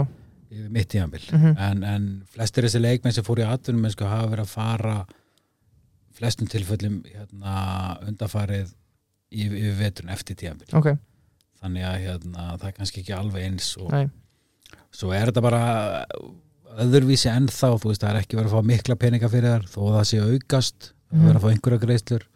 Það var næsta, hvað, hvað þetta er stór partur af tekjumódulinu sem sagt sala á leikmennum erlendis? Í hvernaboltanum, já, það er bara einhver er þetta ekki bara eitthvað tróp í hafið eða? það er bara eitthvað þetta var allt í lægi held ég eitthvað, eitthvað árið þarna hjá okkur þá alveg kom eitthvað smá inn en, en hérna en ég veit ekki prósentulega síðan sko en þetta er enga, þetta er enga þannig upp að þér sko að þetta sé do or die fyrir félagið en, en samt, þú veist, á meðan þetta er að hækka þá hérna, þá hjálpar þetta alltaf meira og meira til. Ég ætla nú að vona um kassa velin og sendi sér Jane Nei, við fengum, ég held að breyflik ekki krónu fyrir það sko, það var náttúrulega keflæk sem fikk það allt sko. Hún var að lánsamning bara hjá breyflik sko. Jesus. það var alveg sæning einhver síður Samt byggum við hennar til, já, hérna. Steini bjóna til sko um, Já, já. En hvernig er það með Sko Besta deil hvenna Þetta eru tvö lið sem að eru bara Þetta er svona búndist líka Þetta er tveggja turna tal hann hefur verið síðust ár. Sér það eitthvað breytast á næsta ár? Já, það getur alveg breyst sko. Þetta er, er voru lengi svona? Sorry. Þetta er ekkert búin lengi sko. Þegar ég 2015 tíðanbilið þá var það stjarnan. 2016 tíðanbilið þá var það stjarnan 2017 tíðanbilið þá er það þá vinnur Þór Káa þá erum við aðra seti 2018 er það Þór Káa og Breiðablík Valur var svona rétt fyrir aftan þá. Og svo 2019 er það Valur og Breiðablík og búin að vera síðan sko. þannig þetta er þetta, og ef maður, horfir umlega lengra aftur í tíman að veist, þá hafi þetta alltaf verið tvö liði yfirleitt sem hafa verið að berjast. Mm og hérna Valur og Káer voru hérna nokkur ára að berjast tvö bara alltaf. Og líka ef maður skoða sko, hefur verið að skoða deildir út í Evrópunda fyrir ár þá eru deild bara tvö og þrjú lið sem er að berjast. Frakland er þetta bara tvö lið það er PSG og, og hérna Lyon. Spán, Real Madrid og hérna Barca. Barca. Alltíka Madrid minnum að hafa verið eitthvað svona komin í þetta hefur svona komin inn í þetta eitthvað annars lagið. Þískaland, Wolfsburg, Bayern. Mm. England hafa verið Chelsea, Arsenal Manchester City kannski -hmm. Þú veist, þetta, þetta er aldrei veist, þetta er ekki þannig að deildir sé bara jafnar Nei, nei, þetta nei. er yfirleitt Og það er ekki eins og tvö, þessi þann- þrjú lið Já. þetta, veist, núna síðast bara í Svít og voru Rosengard og, og hérna Hekkan þannig að þetta er ekki þannig að, að hérna, það sé alltaf bara einhver hrúa liði sem berjast um titil. Yfirleitt er þetta tvö, þrjú lið gegnum gangandi sem er í barátunni má líka alveg benda fólki á að horfa á ennsku deildina sko, þetta er búið að sitja og liðbúlunni í ykkur fimm ár sko, en já, leiðum við langar að spyrja það því að þú ert káeringur, hvað er að frétta káir í hvernaboltara? Þú veist, það er bara hann veit það ekki sko. Jú, jú, ég veit alveg hvað er í gangi í- í- Nei, hvað er að veist. Sko, mér finnst að ef við, ef við tökum það, það er bara Er Sko, við erum að missa helling af efnilegum stelpum í önnulið um, Ok. snemma og það vantar bara í umgjöruna sem og líka hjá köllinum, sko. Það Já, er, já. Það ég er bara til dæmis búin að vera ég er búin að vera að trekkjast meira og meira að grótinu og sjá hvað þeir eru að gera hlutina vel bæði í kalla og kvennaboltanum, sko. Mm og, og það er bara einhvern veginn ekki heillandi umgjörun í dag eins og hún er í KR, sko. Emilia, fór hún í gróttu frekar en káir? Já, það var kannski svolítið annað Ok, út af því að pappina fór í gróttu. Já, skil Að, en, en já, En hann Hva- hefði samt valið káir fyrir hann eða það hefði verið meira spennandi fyrir hann Held, er það ekki? ég held að hann hefði bara viljað hafa hann hefur sér kannski Já, mögulega, en ok. án þess að hafa hugmyndum með það. Hvað segir þú, Steini? Men, Hvað, er- hvað er að gerast í, í KR? Þetta er þetta sambland bara af yngirlokastarfi, umgjörð og þú veist, öllu utanum haldið. Þetta er, þetta er þetta alltaf sambland af einhverjum ástæðum svoleið. það þarf að vera mikil vinna í kringu þetta að halda þessi gangandi það þarf að leggja mikla vinna á baku þetta og gera hlutina vel og markvist raunlega þarf bara að vera plan í gangi sem vinnu er unnið eftir. Það er kannski það sem að vantar að það sé bara plan í gangi og það er unnið eftir því og, og það sé einhver markmiðin aðeins plan ekki bara þú ætlar að vera meistari heldur. Hvernig ætlar að gera þetta til þess að ná li- þú veist, standard í kringu liðið og allt í kringu það? Leikmenn fái góða aðstöðu, góða umgjörð og hlutinni séu bara gerðir markvist, hægt og rólega. Þú veist, þú sért ekki bara að kaupa. Útlendinga Já, keirum og, þetta á útlendingum Já. sem koma bara einhvern tímann inn á tímabilinu og þetta, bara, þetta virkar bara losaralegt. Já, það verður aldrei, sko, útlendingandi fara alltaf og svo, þá er náttúrulega nýtur veturinn ekki neitt, svo, svo kemur haustið allir útlendingandi farnir og íslensku leikmennir er ekkert sáttu við það að vera áfram og það eru bara hálft, meir en hálft byrjunlega kannski farið. Nei. þannig það þarf að gera þetta það þarf að hugsa þetta svolítið hvernig sættur við þig að sættur við að byggja liðið upp? Á hvað forsendu viltu gera þetta þú veist, þú, að þú sættir við að vera í lengjudeldinni í eitt ár til að búa til gefa yngrilegum tækifæri og þróa þær og þroska að þá gerur það og þú ert með eitthvað plan í gangi um að okkur um x tíma allar að vinna eftir svo. Það er bara hörku vinna í kringu það Mhm. að halda utar með þetta. Breyðablík, ég kom náttúrulega frá Káir yfir til breyðablíks og veist, það var aðdánavert hvernig er staðið að hvenna flokkonum og, og, og hvenna boltanum þar. Og þetta er breyðablík stærra félag yðkandilega síðan heldur en Káir miklu stærra Mhm. og þ- þ- þú veist, og það er samt sem að það var bara gaman að sjá hvernig teki var á öllum hlutum var þetta kvennabolta hversu mikið jafnbretti var hversu mikið allir hluti voru bara gerðir á ákveðin hátt og það var bara plan í gangi og það var bara unni eftir því Mhm. Algjörlega, Algjörlega. vel svara uh, Sko, ef við fyrir maður í aðra sálma Herman Guðmundsson hjá Kemi segir Jú, jú, Steini Halldórs, frábær þjálfari og allt það En uh, hann var tíu svona betri leikmaður 209 KSI leikir, 4 mörg, 9 úlíkalandsleikir Káringur í húða ár eins og ég sjálfur. Uh, það er enda náttúrulega ekkert rétt sko. Hei, Ertu blikja? ég, ég er náttúrulega norfriðingur sko. Já, já, já, já. Ok, spilaður með tróttin eða já, Já. Ég byrjaði þar náttúrulega og var- fór, kom ekki í kár fyrir náttúrulega 18 ára. Klippum þetta. Já, Hvernig var það? bara frábært aðstöður upp og allt það sko og bara verið íþróttum og fótbolta og allt það sko en, hérna, en ég kom bara í káar eftir ég var uh, í úlingarnæslinu og fór svo í káar eftir það. Já. Uh, hvað stöðu spilaður? ég var miðmaður lengst af sko. Er þetta ekki dálítið fá mörg fyrir miðjumann? Jó, þetta er fámar Ég var að vona að vera miðvörður sko.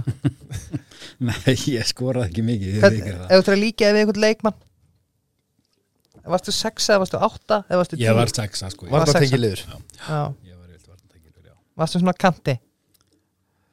Nei, ég er kannski ekki alveg sem yfirferð Uh, Meiri Rodri kannski? Já, frekar sko, frekar. Að sjálfsögur að meiri Rodri. Já, uh, Málmar á ferlinn sem leikmaður? Þeir voru ekki margir sko. Ég held að ég, ég ekki við tróttin eða Jú, Íslandsmeistari marg Já. Svoleiðis, sko. uh, Ég skal ég segja ykkur Ég tapaði tveimur byggar allar ekki Anna var semst tví framlengdur og fór í vítaspindikefni fyrsta skipti í sögunni. Mútið val. Tví framlengdur Já, semst hann var, við spilum tvo leiki og það voru báði framlengdur og svo í setni leiknum var Já, endað á vítaspindikefni Ok. þannig var þetta á þeim já, já, já. Ok, það var bara að spila annar leikur. Annar leikur og hérna og, og svo var, hann var framlendur líka og hann endaði vítaspindikefni ég geti flétt þessu leiku upp, þetta er Valur Káur 1990 og vítaspindikefni fer fram í myrkri. Nei, ha? eiginlega, eiginlega þannig sko, þegar þið horfa á vítaspindikefni þá er bara svona rétt sérst þegar að vera að skjóta á mörkin sko, það eru bíl, þetta er á lögatsvelli þú sérð alveg, það eru bílum raðanur aftan þeir eru með kvikt á ljós. Það voru ekki flóðlösa í gangi. Jú, í bílunum það er rosalega uh, settur þú vítið þitt?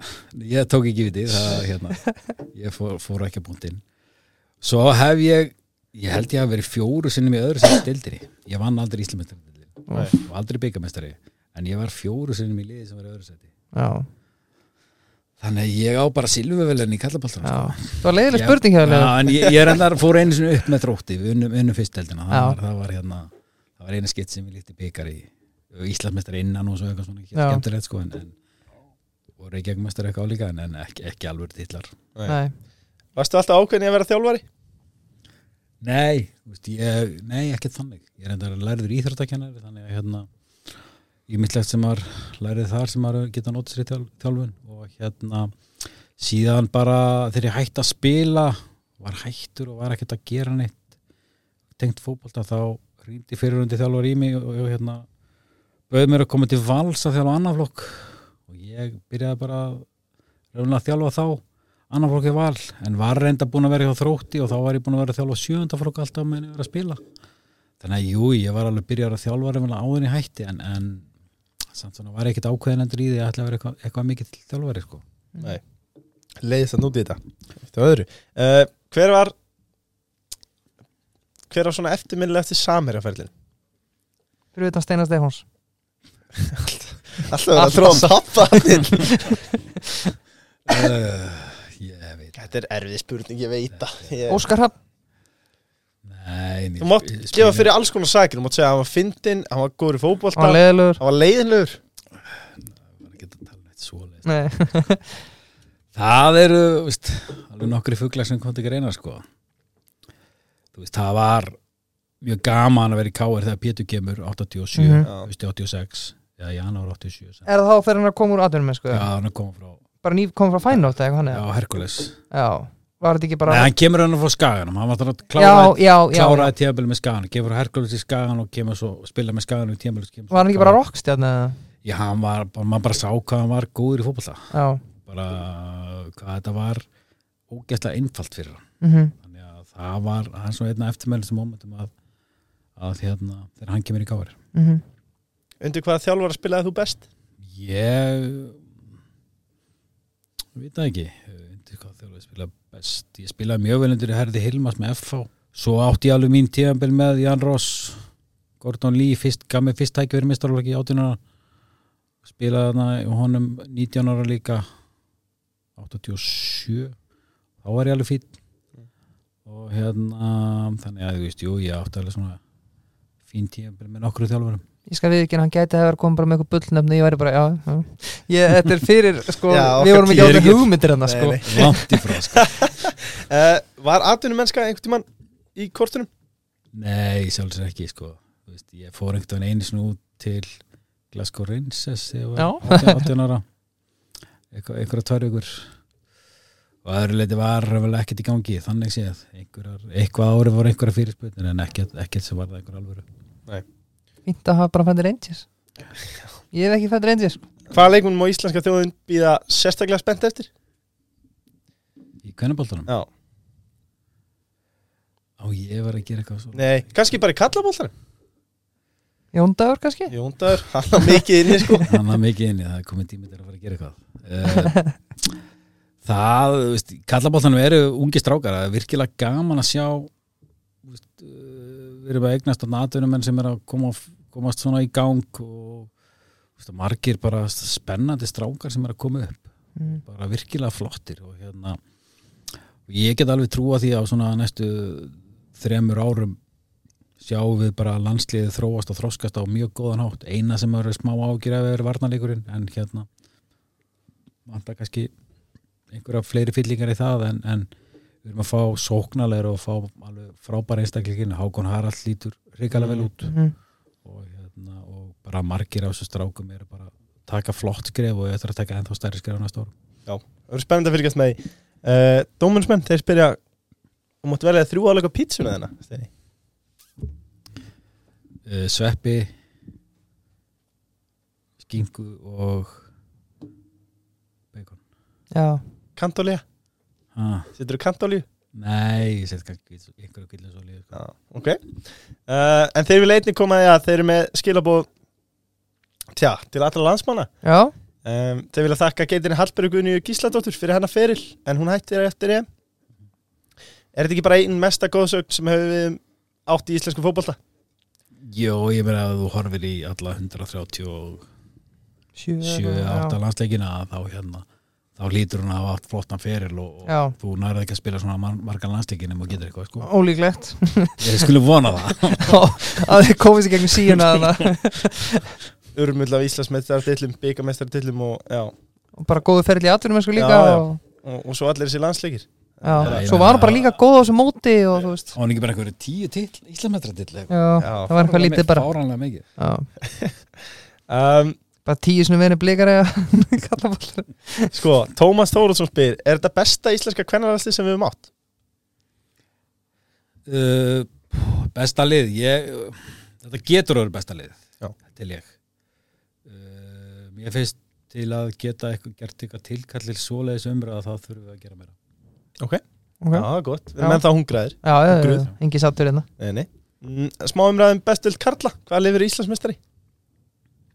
Ég held ná að breyða blik vinni þetta. Já, hvernig var þessi leikunni ger leikurinn bar þreytumerki. Hann var ákveðin vombriði sko. Já, þetta grínast. Það, fyrir álegur leikandi sterkari en það var samt ekkert svona ekkert svona það var engin flugveldasýninga en eitt svoleiðis. Maður svona mætti með því líka væntingar og, og hérna og held að maður væri að fara að fá einhver svona einhver, einhver, einhver svona skemmtilega Mhm. leik sko. Að því leikinnir hafa nú verið svona þeir eru ekki reynda var fyrir leikurinn ekki sérstaklega skemmtilegur en, en blíkandi náttúrulega bara kláruð hann. Mm en hérna en samt sem áður veist, þetta vo- voru ákveði vombriði en það kom svona aðeins í lokin svona smá hérna fjör í þetta og svona meiri, meiri, meiri betra spil og svona aðeins meiri kraftur í þetta. Já, mér fannst einhvern veginn eftir að Væks jafna þá tóku þið einhvern veginn bara yfir leikin fannst mér Það það blikarnar á einu færri að fljótlega eftir það. Og var ekki fljótlega eftir jú. svona tímyndu kannski. Já, að hérna þá náttúrulega kannski og jafntefli bara allt í læg fyrir blika Já, já, auðvitað, auðvitað en, en, en mér fannst þannig eins og við byrjum fyrir setna áleik, þá fannst mér eins og blikarnir væri svona byrja að hættu aðeins að spila svona eins og eru vanir og fóru svolítið mikið í langaboltan mm -hmm. þannig að hérna, en, sem svo sem allt í lægi en, en, en, en það hefnaðist bara kom en, samt sem aður fannst mér að vingur aldrei líklega til að skora sko, mæ, svo bara kemur þetta mark allt í einu bara upp í þurr. Já. Já, einmitt, eini leik, líklegi leikmann í vikingsliðinu var þessi Daniel Djuric sem lúkar ansi vel sko. Og ég spyr mér okkur blikar gátt ekki nota hann sko. Hann var mjög góður. Það er spurning sem þú voru að spyrja um. já, já, ég tala Óskar. Uh, leikjandi maður og allt það en hvað er anskotum að frétta í FA Ég veit ekki, þetta er Þetta er bara þegar þú byrjar að tapa þá er þar karatera til að rífa úr því. Og, og það þarf hörku átak og samstöðu og allan en að pakka öll þessi standard orð og allt það sem maður notar í kringu það. Og það er bara eitthvað sem að þeir þurfa að leiti og, og hérna og, og vinna í hvort þeir þurfa utan að koma til hjálp eða hvernig þeir gera þetta. Að hérna, þeir þurfa allavega e, veist, þetta er alveg ljóst. Þetta snýst ekki um þjálfara er samt ekki nóbreynir að taka heimi Guðjónsson inn eða? Ég held að hann bara vilja örgulega bara verið frí og hafa það rólegt. já, Talum um frasa eins og standard Mér fannst það ansi gott á tímbili þegar Hjörvar Haflega var að rífa þá í sig af því að það er svo mikið af svona tuggum í fótbolta og þú sem þjálfur er örgulega fengið urmjöla þeim í gegnum tíðina bara í umræðinni uh, Er einhverjir frasa sem við þurfum að leggja á hillina eins og hún er á þeim aldrei og hún þarf að fá að spila er. Það er náttúrulega fullt af frösin sem að hérna,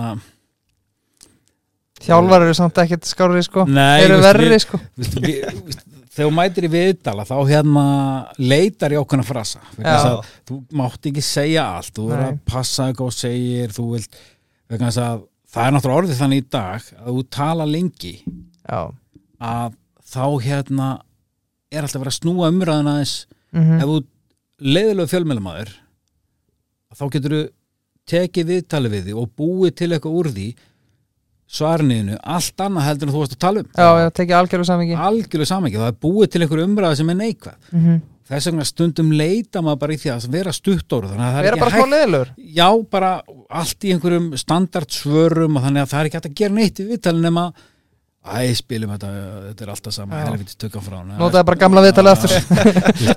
Stundum þarf maður að gera já, og besta dæmi finnst mér um þetta með Arna Viðas það var alveg sama hvað hann sagði. Það var alltaf að finna eitthvað eitt orð sem að stanga að, að þú getur aldrei, að þú ert ekki alltaf fullkomin í viðtölum. Meni, þú getur sagt eitthvað eitt orð sem passa ekki nákvæmlega inn í svarið þitt.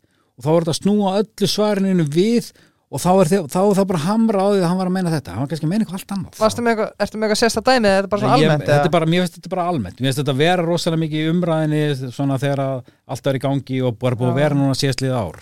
Það sem Já. að stundum voru svörin hann átti stundum til að svara í svolítið löngu setningum og, Mhm. og svo leiðis að þá fannst, þá var gripið eitthvað eitt atrið sem að kannski, hann var ekkert að meina. Það var eitthvað smá, eitthvað, eitthvað kannski peanut sem var inn í svarinu en þá var, að því að, þá var það bara gripið og þá var hellan sem snýri til þetta. Og bara Já. maður horfði stundum á þetta bara eru við Já, já einmitt Er já. þið, já, að Er, grínast er alveg rugglaðir Þarna einmitt. Og þó að Arnar hafði fengið að heyra í þessu stúdíu líka þá verði ég samt að segja, sko, gæðin er búin að vera með þjóðun að herru sér, bara síðan hann labbaði hann inn í lögadalinn, þetta er ótrúlegt. Þetta er þungt, þetta er þungt að bera. Þetta eru þungi hnífar hann Eh, Sko, létt til að loka bestild Karla, hvaða lið falla og hvaða lið verður byggamestari Þú pöntar á þetta fyrir okkur. F á verið byggamestari Lagalegt. En falla og fara í Európa-kefni Það var ekki ekki. Nei, ég, veist sko manni finnst það svolítið skrítið að leiknir er búin að fá einhverja fjóra leiki röðu það ekki til að Já. fara upp fyrir að fá þeir bara vilja ekki fara upp fyrir á Nei, þú veist, og þeir unnu stjörnuna 3-0 mm útvöldi, já, og raskeldi það bara og er ekki hún er fjóra leiki sem þeir spiluðu þann leiki eitthvað svo. Já, og þeir eru búin að möguleika og þeir eru búin að fá á sig einhver 14 mörka, 15 Já, mörka já. í þessum fjóru leikjum maður hugsa alltaf bara, hvernig kemur hvernig Já. ætlar að fara að vinna leik? hvernig ætlar að setja F á okkur í þessa stöðu? mm þá hugsa maður bara, eru þeir bara ennþá brotnar heldur en F á?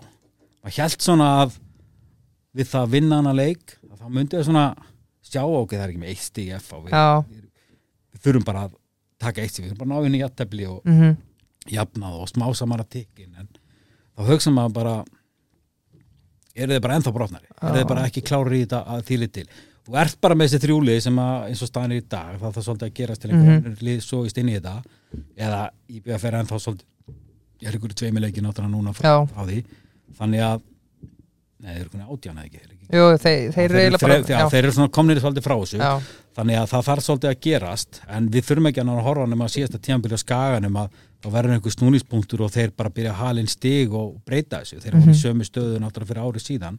En það eru bara þessi þrjú lið sem er að berjast. Það er rosalega erfitt að segja hvaða lið er Já. að að falla. En mér átti eitthvað góða punktu sem að Arnarsveit kom með það að tala um sko þá eru svona leiknir og í að það eru lið sem að þekkja að vera í fallbáratu svo þetta með F-fáingana bara gæða sem eru með margi með bara miljón pluss að mánuði og allir að fá mjög góð laun með eða smára sem þjálfara þetta er ekki lið sem að kann að vera í fallbáratu Já, en við vitum hann ekki fyrir að sjá það sko en heldur að enginn af þessum atvinnumönnum hafa verið í fallbáttu kannski, en þeir mættu ekki til FH til að vera í fallbáratu Nei, þeir þurfa sennilega að fara að gera þannig að það er bara staðan og nú þurfa það bara að fara að berjast fyrir allt öru hlutum heldur að stemta að í upphafi þegar móti byrjaði. Mm -hmm. þeir ættu náttúrulega að vera að berjast með Europasæti Já, og hérna allavega. Og hérna eh, Óli og allar reynda að vera meistar eða ekki sem það ekki? En, en skiptir ekki máli, þeir ætla að vera að berjast í efrihlutunum og nú er bara staðan allt önnur þannig að menn þurfa bara að og ég held að menn síðan alveg ekki að gera sig grein fyrir því í dag þeir hljóta að farin að gera það. Og þeir þurfa bara að gera sig grein fyrir því að það þarf að hafa virkilega fyrir því að snúa þessu við. Já. Þurfum við samt ekki að fara að ágjöra völsurum með það? Þeir lúka ekkit eðlilega vel núna sko. Því miður fyrir að því að sko Heimi Guðjóns er það góð vinni þáttar sem ég er svona eiginlega vonaði að það myndi halda áfram að ganga illa sko. Mér finnst leiðild að sjá að honum var skipt út og þá byrjar að ganga vel. Já, víst, en samt sem áður frábæran hóp mm. frábæra Jó. Horfir á sóknalínuna og svo sérðu bara, bara sjá það náttúrulega rekordu sem verður með þegar Aron er að spila þá er þetta- þetta bara að vera annar Já, og hann hefur náttúrulega sínt það raunverulega að á þessu Íslandsmóti hversu góður í fótbolta hann er. Hann áeil ekkert að vera hérna. Nei, ég meina við horfum á leikma þetta er stráku sem var náttúrulega í búndislíkunni mm -hmm. og það er náttúrulega bara meðisli sem komum veg fyrir það að hann spilaði ekki þar, að einhverju viti. Missi náttúrulega bara tvö tíðanbili þrjú tíðanbili hvað það var þegar hann var þarna var þetta hann í tvö. Já, hvort það var ekki seldur á þriða tíðanbili eitthvað svo eða fór að hérna þá sjáu þú fer ekki til búndisleikunni en maður hafa einhver gæði sko. Mm og hérna og stóð sér vel í Hollandi og, og Danmörk og allt það. Þannig að þetta er leikmaður sem bara búið að sína það og, og líka það er gaman að sjá leikmann sem kemur ykkar heim og maður sér hann að hann er ekkert að kominga heim til að deyja heldur hann ætlar að njóta þess að vera í fótbolta og ætlar að gera þetta vel. Einmitt, þetta er ekki þessi káringar og F-fáingar sem er að koma heim úr náttúrum sko. þetta eru alvöru gæjar sko. Ég verið að fara að enda svo skemmtilegum nótum Nei, já, já. Þetta á boltinum með Fimbirki, þú eðilega er þetta. Ah, hann er það? Nei. Ránsveðar Ó, ég, ég ætla að fara í Þetta er líka veitlust Þarna, ok Sko, ég er, að, ég er að fikra mig áfram hérna í bridginu sko Ég verði að fyrirgeða mér hlustur, já, tíu ára tökum og ég er ennþá að klúra þessu sko um, Við ætlum að fara okkur yfir í Premier League Þínu menn í City, eins og við erum búin að koma nokkur sem inn á í þættinum Eru þeir að fara vallt yfir þetta? Enn einu sinni Fymta sinn í 6 tíamölu með ekki? Er, er ekki fjögur og 75? Fjóri sýstu fimm, já. Já, hann er 5. setta eða það myndi gera núna. Síðan, síðan Aguero skorar hann á... Já, já, úf. Það er náttúrulega 2012. Það er 2012, já, já. Já, já, já. Standard. Eh, uh, Lítið vel út og tímanlaust verða þeirra að berja sem um titilinn og þetta vonaði að vinni og, og þeir eru aldrei á þessum áratög sem þeirra hafa verið að vinna titla þeirra hafa aldrei vinni þrjóra röð þannig að það er kannski komið tíma á það. Já. Og hérna en þetta lítur liðupúlið líka vel út og að þú veist, byrjunin sé eins og hún er núna tvö jættefli og allt það en þá og svo ertu líka komið fleiri lið inn í þetta þú veist Arsenal lítur vel út maður á eftir að sjá það halda það út maður veit það ekki. Ekki sjens Nei, ekki 38 leikir. Nei, þeir hafa ekki sínt neitt stöðuleik undan farin ára en, en, en samt sem ára er hann búin að ná að svona Hann er það með Guardiola. Skipta, hann er búin að vera að skipta út og ná svona að búa sér til sitt lið núna á þessum tremur árum. Þannig að það tekur alltaf tíma því þú getur ekki selt alla leikmenn heldur þú þarf svona smá saman að losa út Mhm. og fá inn þína leikmenn sem að þú telur henda þér. Þannig að það er kannski komið að því að þeir hérna verða allan í alvöru baráttu svo veit maður aldrei kontið er nú þekktu fyrir að gera kraftaverk þannig að Já. hérna, maður veit aldrei eins og með Tottenham þó að Konti gerir þetta kraftverk á mútið Chelsea þegar Náði hann fekk Anthony Taylor til þess að dæma ekki aukarspinnu en já, það er Það var alveg kraft já, þetta, en þú veist, samt sem áður eru City og Liverpool held í bestu liðin í dag algjörlega og, hérna, og verða að berjast um þetta. Og, hérna, og City lítur vel út þú veist, það var stert að fá Holland það var hérna Já, það var sterkt.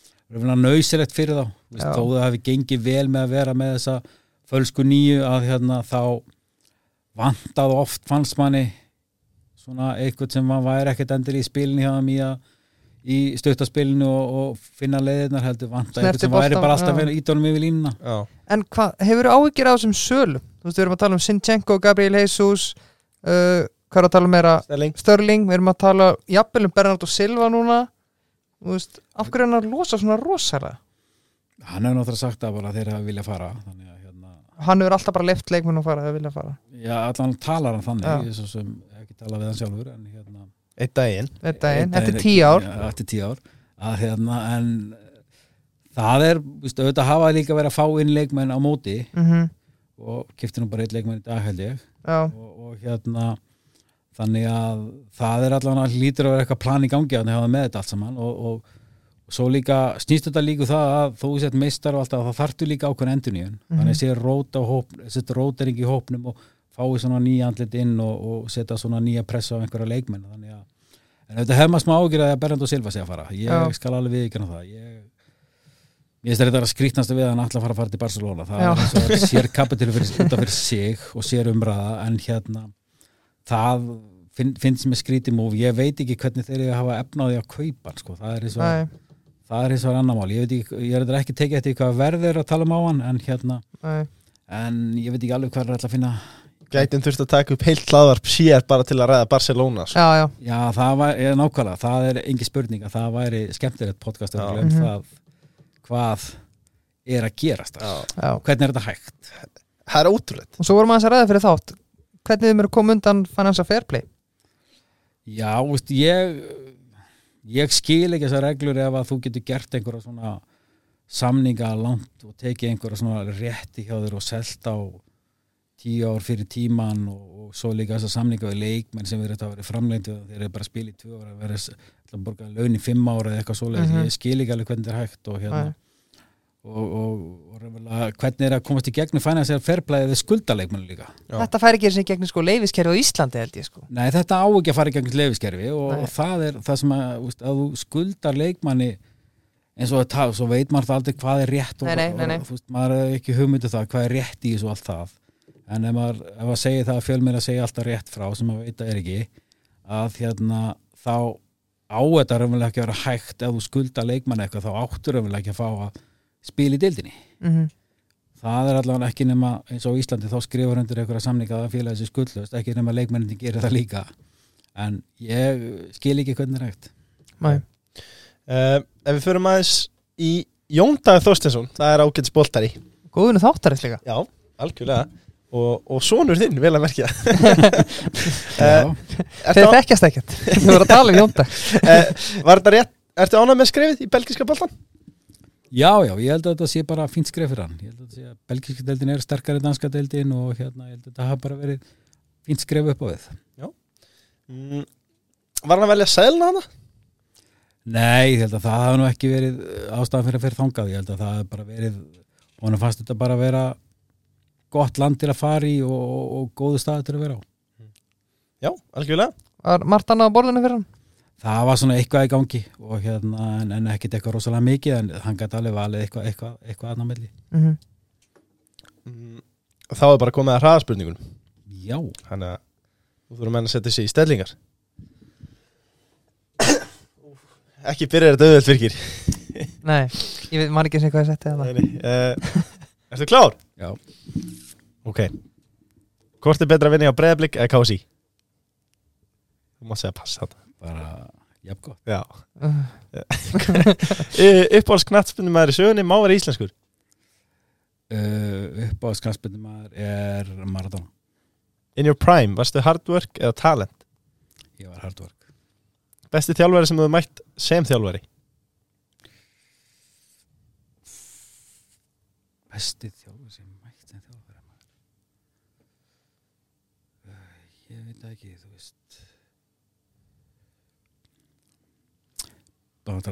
PSG-lið var náttúrulega frábært ef við mættið með Já, 2019 ég man ekki hvað þjálfur hann hétt á nei PSG þjálfarinn. En svo rákuður hann náttúrulega setna þannig að kannski ekkert verið sérstakur en liðið var gott. Já, uh, Uppáhalds drikkur fyrir utan brí og léttul uh, bara kri- kristall. Upp, uh, Aldrei eftir syngja, aldrei eftir tefla. Þessi snúin, ég veit það. Og kantu manngangi aldrei aftur syngja ég, ég, ég kann alveg manga, ég er góður að tefla sko. Eða það? ég er allt í lagi sko. Er það með það? nei, nei, nei, ekki ok Tefla eitthvað í jóndagið já, ég er rúst á honum alltaf ekki þetta maður sko. uh, Burger eða vengir á barjónum og svo burger Messin eða kaffi krús uh, já, náttúrulega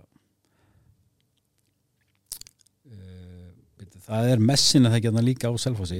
Jú, Jú. passar. Gert. ég fór á það en daginn. Það var helviti gott. Já. að fara að messan inn í bæn líka svo var þetta að fara á kaffi krús en, en hérna, ég segi bara messin. Já, Já. lagilegt uh, Rétt svar. fyrstu, leik, fyrstu þrý leikmenn á blaði Fantasy? Núna, fyrir komin tímbil í ennsku Uh, það er Holland Díaz og Gundogan Ok, Sko, það er náttúrulega algjör synd en, en Fantasy hvenna var lagt niður fyrir þetta tímbil Ef þú þurftir að velja þrjá í Fantasy liðið Pepsi hvenna Pepsi kvenna? Já,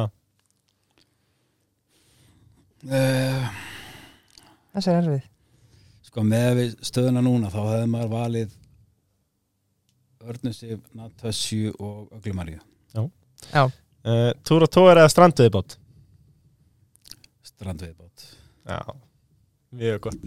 Herri, þá var það bara loka spurningin. Takk hérlega fyrir kvöldið þásteinn Já, þetta er búið að vera æðislega gaman. Sem er einstak uh, Hvað er það mikilvægast í lífinu? uh, Bara að njóta. Já, það er nú bara þannig. Já, Við kveðum að sinni, takk fyrir okkur. Takk fyrir mig. Takk fyrir gera